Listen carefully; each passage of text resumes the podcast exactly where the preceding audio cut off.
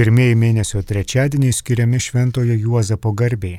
Kviečiame pasiklausyti kunigo Gabrieliaus Atkausko katechezijos sakytos Klaipėdos Šventojo Juozapo darbininko bažnyčioje. Juozapą Marijos sužadėtinį ir Jėzaus globėją ypatingai prisimename ir melžiamės už visus darbininkus, už visus tėvus ir už visą visuotinę bažnyčią. Jis yra mūsų visų globėjas, o ypač jūsų parapijos. Kviečiu šią katechezę pradėti maldą, kad viešpats mus lydėtų per šitą trumpą pusvalandėlį iki mišių. Vardant Dievo tėvo ir sunaus ir šventosios dvasios. Viešpatie Jėzau, tu pasirinkai savo žemiškojų globėjų Juozapą, tegul Juozapas dabar globoja mus. Mes ateinam su visokiais rūpešiais, džiaugsmais, taip pat norėdami tau dėkoti už tavo globą, už tavo palydą Duok mums Juozapo tvirtumo, Juozapiško pasitikėjimo Dievu, Juozapiško įsiklausimo į Dievo valią, kad galėtume kaip Jis dabar tavęs klausytis ir kad galėtume tave nešti į šį pasaulį kaip Juozapas, kad nešė, globojo, padėjo Jėzui ateiti į šį pasaulį užaukti. Tėve mūsų, kuris esi danguje, te esie šventas tavo vardas, te ateinie tavo karalystė, te esie tavo valia, kaip danguje, taip ir žemėje. Kasdienės mūsų duonos duok mums šiandien ir atleisk mums mūsų kaltes, kaip ir mes atleidžiame savo kaltininkams. Ir neleisk mūsų gundyti, bet gelbėk mus nuo pikto. Amen. Vardant Dievo Tėvo ir Sūnaus ir Šventosios Dvasios. Taigi, ką mes žinom apie šventąjį Juozapą? Ką galima pasakyti apie Juozapą, jeigu jis ne vieno žodžio nepasakė, bent jau nėra užrašyta? Ką galima apie jį pasakyti? Iš tiesų labai daug, žvelgiant į patį Jėzų, nes atkreipkim dėmesį, Jėzus turėjo Marijos akis, buvo fiziškai panašus į Mariją, nes jinai jo motina buvo. Ir taip pat turėjo Juozapo charakterį, Jėzus turėjo Juozapo charakterį. Ko gero, beveik 30 metų Jėzus praleido su Juozapu, buvo jo auginamas, prižiūrimas ir gyveno daug daugiau laiko kartu su Juozapu, negu kad šiandieniai vaikai.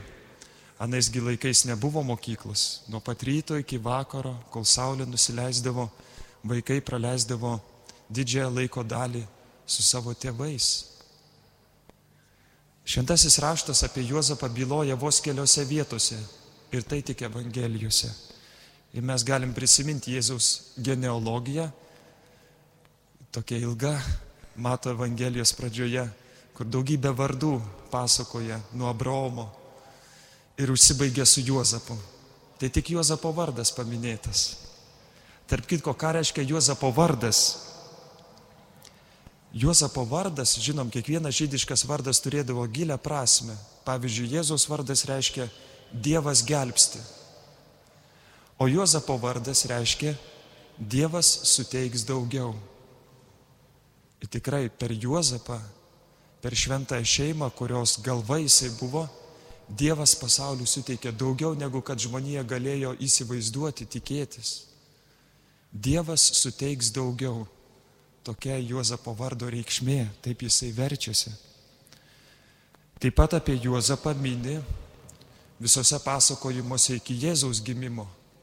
Ypatingai, kai Marija pradėjo lauktis Jėzaus ir jisai Juozapas sapnavo angelą, kuris sakė, nebijok parsivesti Marijos į savo namus, nes jos vaisius yra iš Dievo, iš šventosios dvasios.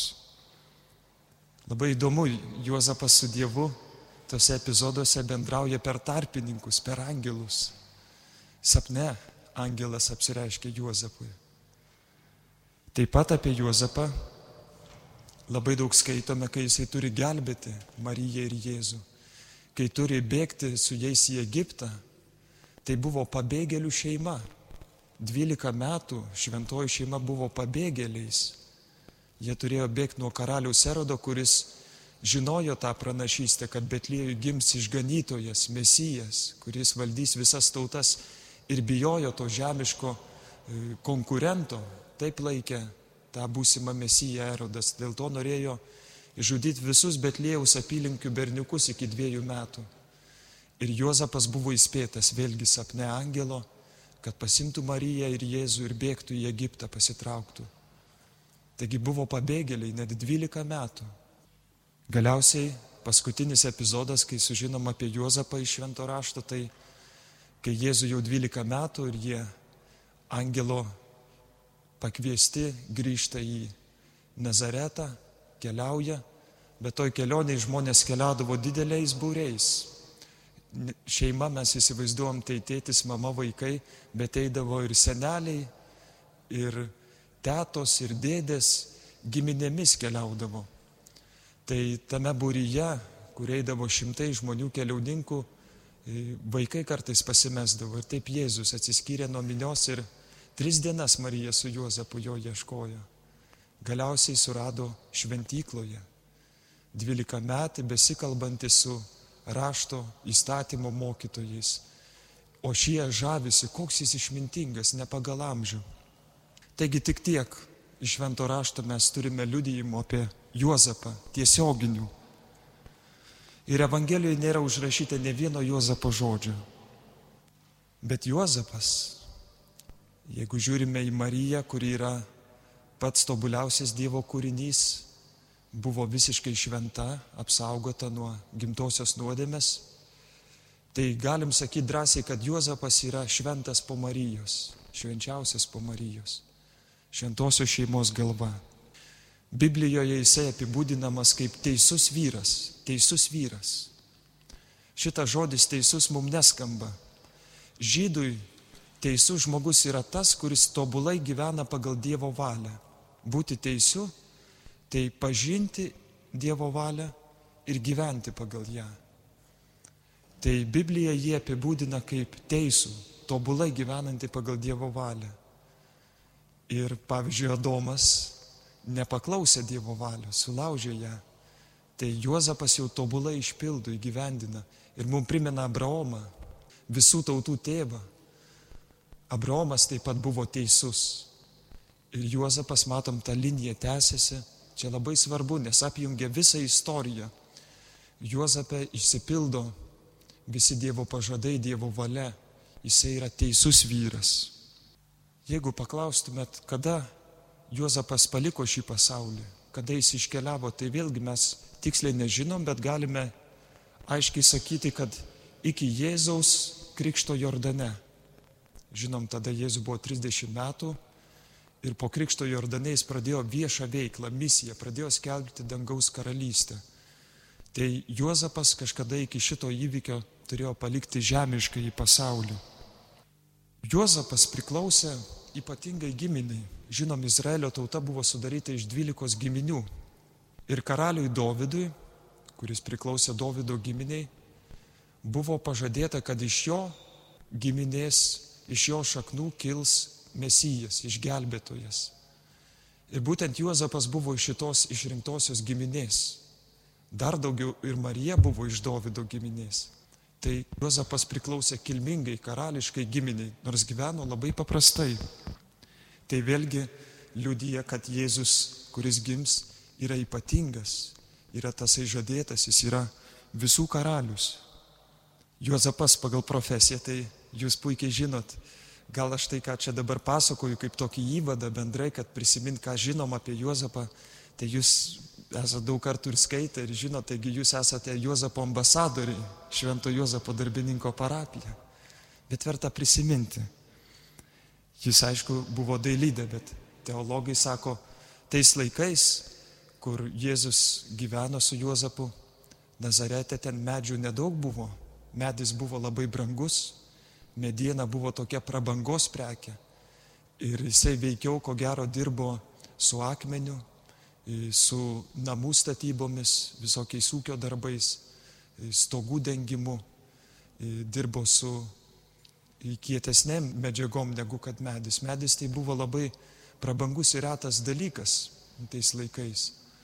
Tai vėlgi keičia truputį mūsų tokį įvaizdį Juozapo, nes su akmeniu dirbti kad žmogus galėtų, turi būti fiziškai stiprus. Iš tiesų reikia daug jėgos. Juozapas buvo tvirtas, buvo darbo žmogus, buvo užgrūdintas, daug prakaitų išliejęs žmogus. Ir Jėzus matė Juozapo pavyzdį, tikro darbininko pavyzdį. Juozapas gyveno su Marija ir Jėzum 12 metų Egipte. Įsivaizduokit, Jėzus 12 metų augo egiptietiškai kultūrai. Aišku, kad ten buvo daug žydų, jie bendruomenėse gyveno, bet jisai, nors buvo ir žydas, bet daugiau nei trečdalį gyvenimo, o ypač pirmuosius metus, kai formuosi asmenybę, praleido Egipte, egiptietiškai kultūrai. Kaip įdomu, šitas dalykas, bruožas, jis nelabai atsispindi, kai mes vaizduom Jėzų. Ne? Jis turėjo turėti kažko tokio, kaip egiptiečiai gyveno, bendravo, mąstė. Galiausiai 12 Jėzaus gyvenimo metais šeima grįžo į Nazaretą. Ir Nazaretas tuo metu buvo toks miestelis, kur gyveno iki 400 žmonių. Kalvota, kalnai ir tokiam šlaite žmonės retai statydavos namus. Tokią olą pasidarydavo, iš, išrausdavo tas olas kalno šlaite ir į kiekvieną tą būstą, tokį keistą, kaip olą, būdavo toks priengis, toksai kiemukas, kur atlikdavo kasdien ūkio darbus, kur valgydavo, kur priimdavo svečius, o naktį visi eidavo sugulti į tą olą. Jos nebuvo labai didelės. Kodėl tą pasakoju, kad įsivaizduotume Jėzų, Juozapą, kaip jie gyveno, kaip visą laiką arti vienas kito buvo. Jėzus neturėjo savo kambario. Aš nekalbu apie elektrą ar šviesą kokią tai. O kaip įdomu, kai naktį atvėsdavo, kadangi dykumos tai naktis būdavo šaltos, tai šeima susivarydavo į olą kartu avinėlius, eriukus, kurie turi gerą vilną ir kartu miegodavo. Ir būdavo toks natūralus šildymas, ekologiškas šildymas, kaip taupiai, kaip praktiškai gyveno. Ir kartu sugulę miegodavo.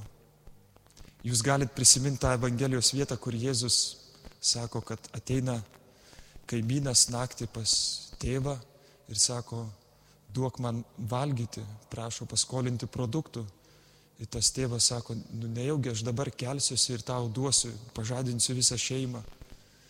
Ir tada Jėzus čia šituo palyginimu moko, kad jeigu ne dėl palankumo, tai dėl įkūrumo duos, ar ne? Kad moko mus taip irgi kartais suoliai ir įkyriai prašyti Dievą mums reikalingų malonių, melstį.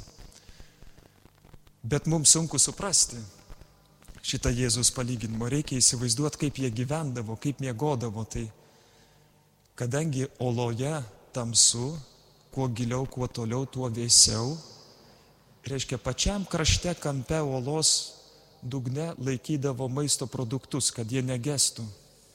Ir tada guldavosi vaikai nuo krašto, daug vaikų būdavo, mama guldavosi ir tėtis prie įėjimo, kad saugotų nuo kokių plėšikų ar nuo kokių plėšrūnų. Tai reiškia vyrui, kad paduotų tų produktų, kur atėjo kaimynas pasiskolinti, būtų reikėję pažadinti žmoną, pažadinti visus vaikus, juos iškraustyti, visus gyvūnėlius išaryti ir tada paimti tą maistą. Dabar visai kitaip suprantame, ar ne? Kodėl tokie nedraugiški tie kaimynai buvo, jeigu naktį ateina produktų prašyti. Tai tą pasakoju, kad įsivaizduotą būti, tą kasdienybę ir gyvenimą, kuri buvo labai paprasta, labai netgi kartais vargana, bet graži. Juozapas, Marija, Jėzus buvo pabėgėliai, bet galiausiai turėjo savo būstą Nazarete, kaip ir kitos šeimos oloje. Dar ir šiandien nuvykus galima rasti, pamatyti, kaip tai atrodytų. Juozapui žinom, net tris kartus per sapną prabilo angelas. Šventoji tradicija sako, kad tai buvo tas pats angelas, kuris apsireiškė Marijai, arkangelas Gabrielius.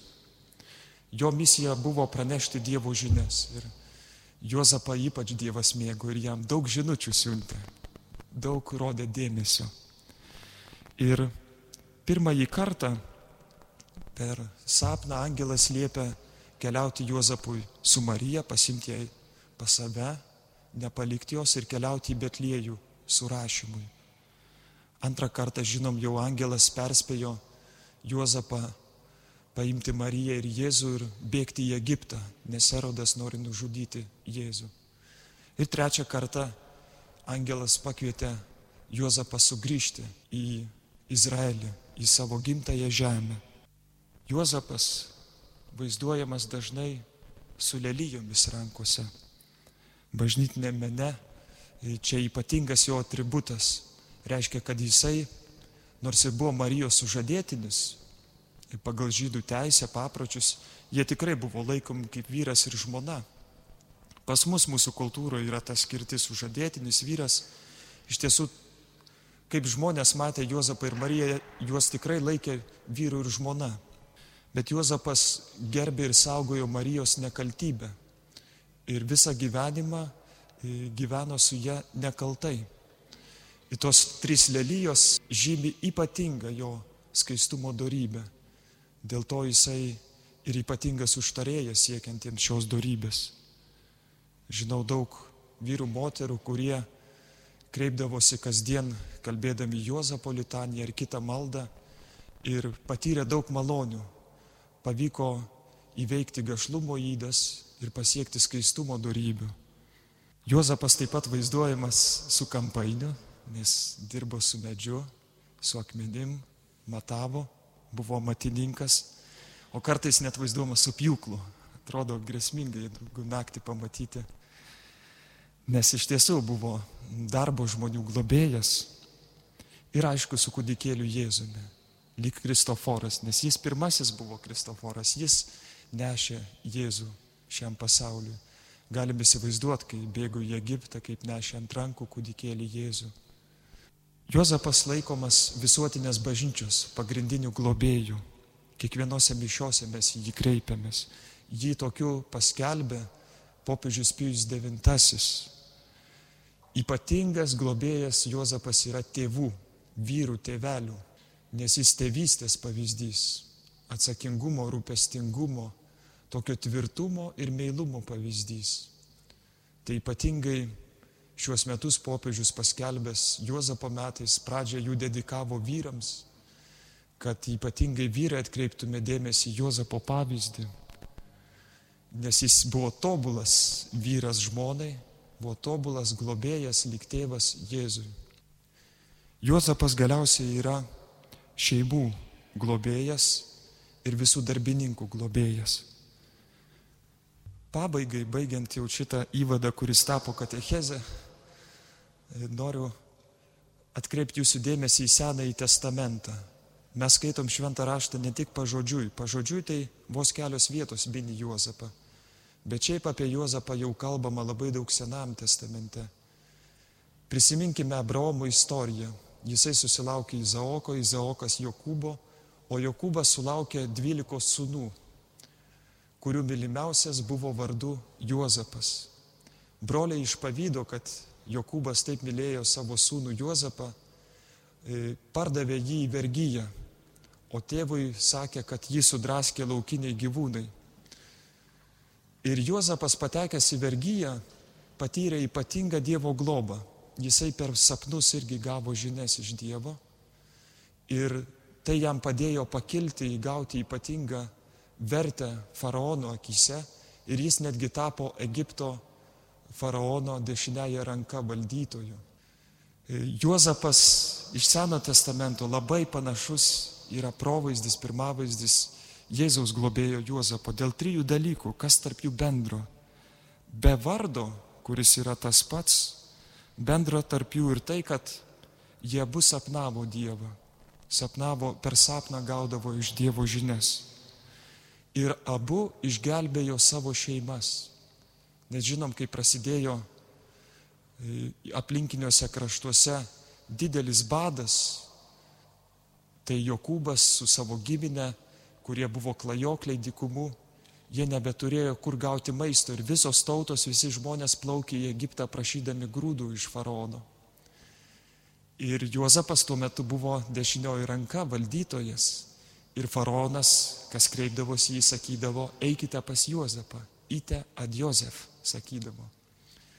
Tai Juozapas e, susitiko Egipte pas jį atėjusią savo šeimą, atpažino savo brolius, broliai prisiminė išdavystę, kaip jie pardavė į vergyją Juozapą, susigaudino, galiausiai visi susitaikė, Juozapas atleido ir išgelbėjo savo šeimą ne tik nuo bado, bet ir nuo skurdo. Ir tada Izraelio tauta įsikūrė Egipto krašte, kur gyveno keli šimtus metų, kol tapo vergais. Jau kitą istorijos dalį mes žinome, šventėm per Velykas.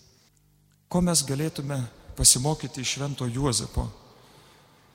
Jis mus tikrai įkvėpia siekti šventumo. Ir čia tų septynių būdų nepakanka, tikrai yra dar daugiau. Juozapas buvo Jėzaus mokytojas, buvo pasiruošęs išmokyti, ko tik reikės Dievą. Pirmiausia, kas ypatingai krenta jo pavyzdyje, tai tyla. Juozapas buvo tylus. Prisimenu šventą Pranciškų Asižėtį, kuris labai gražiai sakė apie, apie Juozapą, kad bendrai Pranciškus dažnai sakydavo, turim visada skelbti Evangeliją. O jeigu reikia, tai skelbti ir žodžiais. Juozapas tobulai atitinka šitą Pranciškaus Asižiečio pasakymą. Jis nepasakė ne vieno žodžio, bet jo skelbimas yra daug garsesnis už visus kada nors pasakytų žodžius. Kartą Pranciškus pasėmė porą vienuoliukų, broliukų ir ėjo, sako, einam skelbti Evangelijus, pasakysim pamokslą žmonėm. Įžengė į miestelį, broliai žiūri, kad jie jau baigė pereiti tą miestelį, jau, jau ir išėjo ir, ir sako, tai kada mes sakysim pamokslą? Tai Pranciškus sako, juk mes buvom su abitais, mes praėjom ir pasakėm geriausią pamokslą, neištardami ne vieno žodžio. Juozapas visų savo gyvenimu tai pamokslavo, neištardamas ne vieno žodžio. Bet neapsigaukime, tylus žmogus nereiškia niūrus žmogus. Kartais, na, na mes lietuviai gal dažnai tylime ir dažnai iš tokio niūrumo ar liūdėsio ar prislėgtumo kokie italai, tai jie nuolato šneka, ten kaip tik tylos trūksta. Bet tikrai nereiškia, jeigu žmogus tylus, kad jisai niūrus. Tikrai taip nėra. Nors, pavyzdžiui, Teresė Vilietė kažkada meldėsi, sako, viešpatie, apsaugok mane nuo niūrių šventųjų. Tai Juozapas tikrai nebuvo niūrus. Tai, kad buvo tylus, nereiškia, jog buvo niūrus. Vienas kunigas kažkada sakė, kaip reikia apaštalauti vaikams. Atsiminti taisyklę, kad vaikai klauso ne ausimis, bet akimis. Vaikai klauso ne ausimis, bet akimis. Tai Juozapas iš prigimties vadovavusi šitą taisyklę ir savo pavyzdžių, savo gyvenimu mokė Jėzų. Šventasis Jonas Boskas sakydavo, jeigu nori, kad tave mylėtų, mažiau nurodinėk, Tai galime įsivaizduoti, kaip Jozapas mokėjo švelniai prisartinti, auklėti, mokyti Jėzų, lydėti savo pavyzdžių įkvėpti. Jozapas buvo ypač sumanus, nes buvo darbininkas, išmanė daug visokių darbų. Tada Jozapas buvo praktiškas šventasis, nebuvo kažkur visą laiką praleidęs atsiskyręs maldoje, bet jisai būtyje, kasdienybėje sumaniai tvarkydamas savo pareigas, atlikdamas tą pavyzdį rodė Jėzui ir Marijai.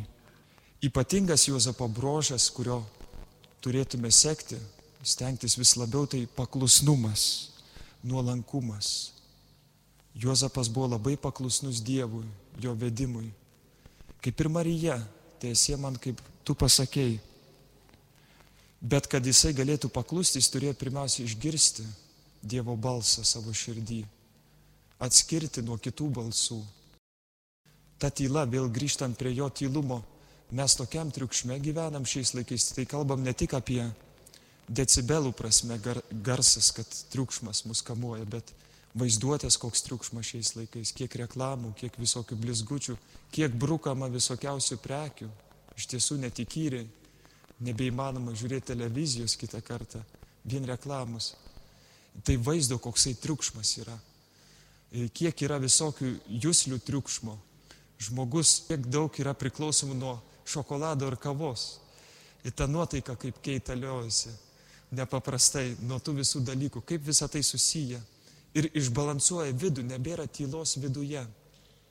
Tai Juozapas jisai gali padėti atrasti tą tylą. Ir atrasti save tyloje ir išgirsti Dievo balsą savyje. Juozapas darbininkas. Šio laikiniam darbininkui viena valanda darbo gali tapti viena valanda maldos. Juozapas visą savo gyvenimą meldėsi. Jisai savo darbą atliko panašiai kaip motina Teresė sakė. Sako, maži darbai atliekami su didelė meile. Nesvarbu, kiek mes padarom, bet svarbu, kaip mes tą darome. Juozapas yra tobulas pavyzdys. Jis atlikdavo ir mažus, ir didelius darbus su didelė meile. Nedidelius darbus su mažai meilės. Ir jisai tą darbą kaip maldą laikė, šventų laikė. Mums mūsų darbas irgi gali tapti malda. Mums nereikia tapti vienuoliais, kad melstumėmės visą laiką. Jeigu aš prieš savo darbą persižegnoju ir sakau Dievui, Dieve, šitą aš valandą aukoju tau už savo šeimą. Ir tada mes pašventiname tą darbą, nes jį darome maldingai. Mes pašventinam šeimą ir pašventinam save, nes tuo metu gimeldžiamės dirbdami. Ir to darbo vaisiai visiškai kitokia. Tai tas pats ir su studentu, ir su moksleiviu valanda mokymosi gali tapti valanda maldos. Verta, verta persižegnot prieš darbą, pašventinti jį, paukoti dėl kitų. Verta bendradarbiauti mūsų darbę su Dievu. Skaistumo darybė, kurią jau minėjau, tai, kad Juozapas buvo ypač skaistus, jame ir ypatingai vyriškumas, tikrasis vyriškumas išsiskleidė. Tai čia jokių būdų nekalbam apie beistriškumą, kažkokį išrovimą, bet ir reiškia tokį tikrą, tikrą vyriškumą, tikrą santykį su Marija, nors jų šeimas, kaip sakiau, buvo ypatinga, ar negyveno nekaltybėje. Aš kviečiu gilintis šiais Juozapo metais į jį, bet pradėti tai nuo tylos, kaip jisai, įsiklausyti Dievo valią. Ir Juozapas mus gali lydėti taip, kaip Jėzų lydėjo, arčiau Dievo. Kviečiu atsistoti ir sukalbėti maldą į šventąjį Juozapą. Į tave palaimintasis Juozapai kreipiamės vargus spaudžiami, melsdami tavo švenčiausią sužadėtinę pagalbos, su pasitikėjimu prašome, kad ir tu mus globotum dėl tos keiščios meilės, kuri tave jungia su nekaltaja mergele, Dievo gimdytoje, ir dėl to tėviško džiaugsmo, su kuriuo glaudai prie savęs kūdikėlį Jėzų, maloningai pažvelki visus, kuriuos Jėzus Kristus yra atpirkęs savo krauju. Ir mūsų reikaluose padėk mums savo gale ir užtarimu. Rūpestingasis šventosios šeimos sargi, saugok Jėzaus Kristaus žmonės, mylimasis tėve, padėk mums išvengti visokių klaidų ir nupuolimų, galingasis gelbėtojų, stiprink mus kovoje su tamsos galybėmis.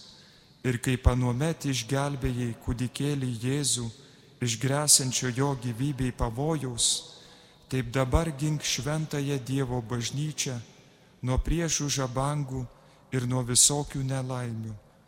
O kiekvieną mūsų nuolat globok, kad stiprinami tavo pavyzdžio ir pagalbos galėtume šventai gyventi, Dievo malonėje numirti ir pasiekti amžinąją dangaus laimę. Amen. Vardant Dievo tėvo ir sudaus ir šventosios dvasios.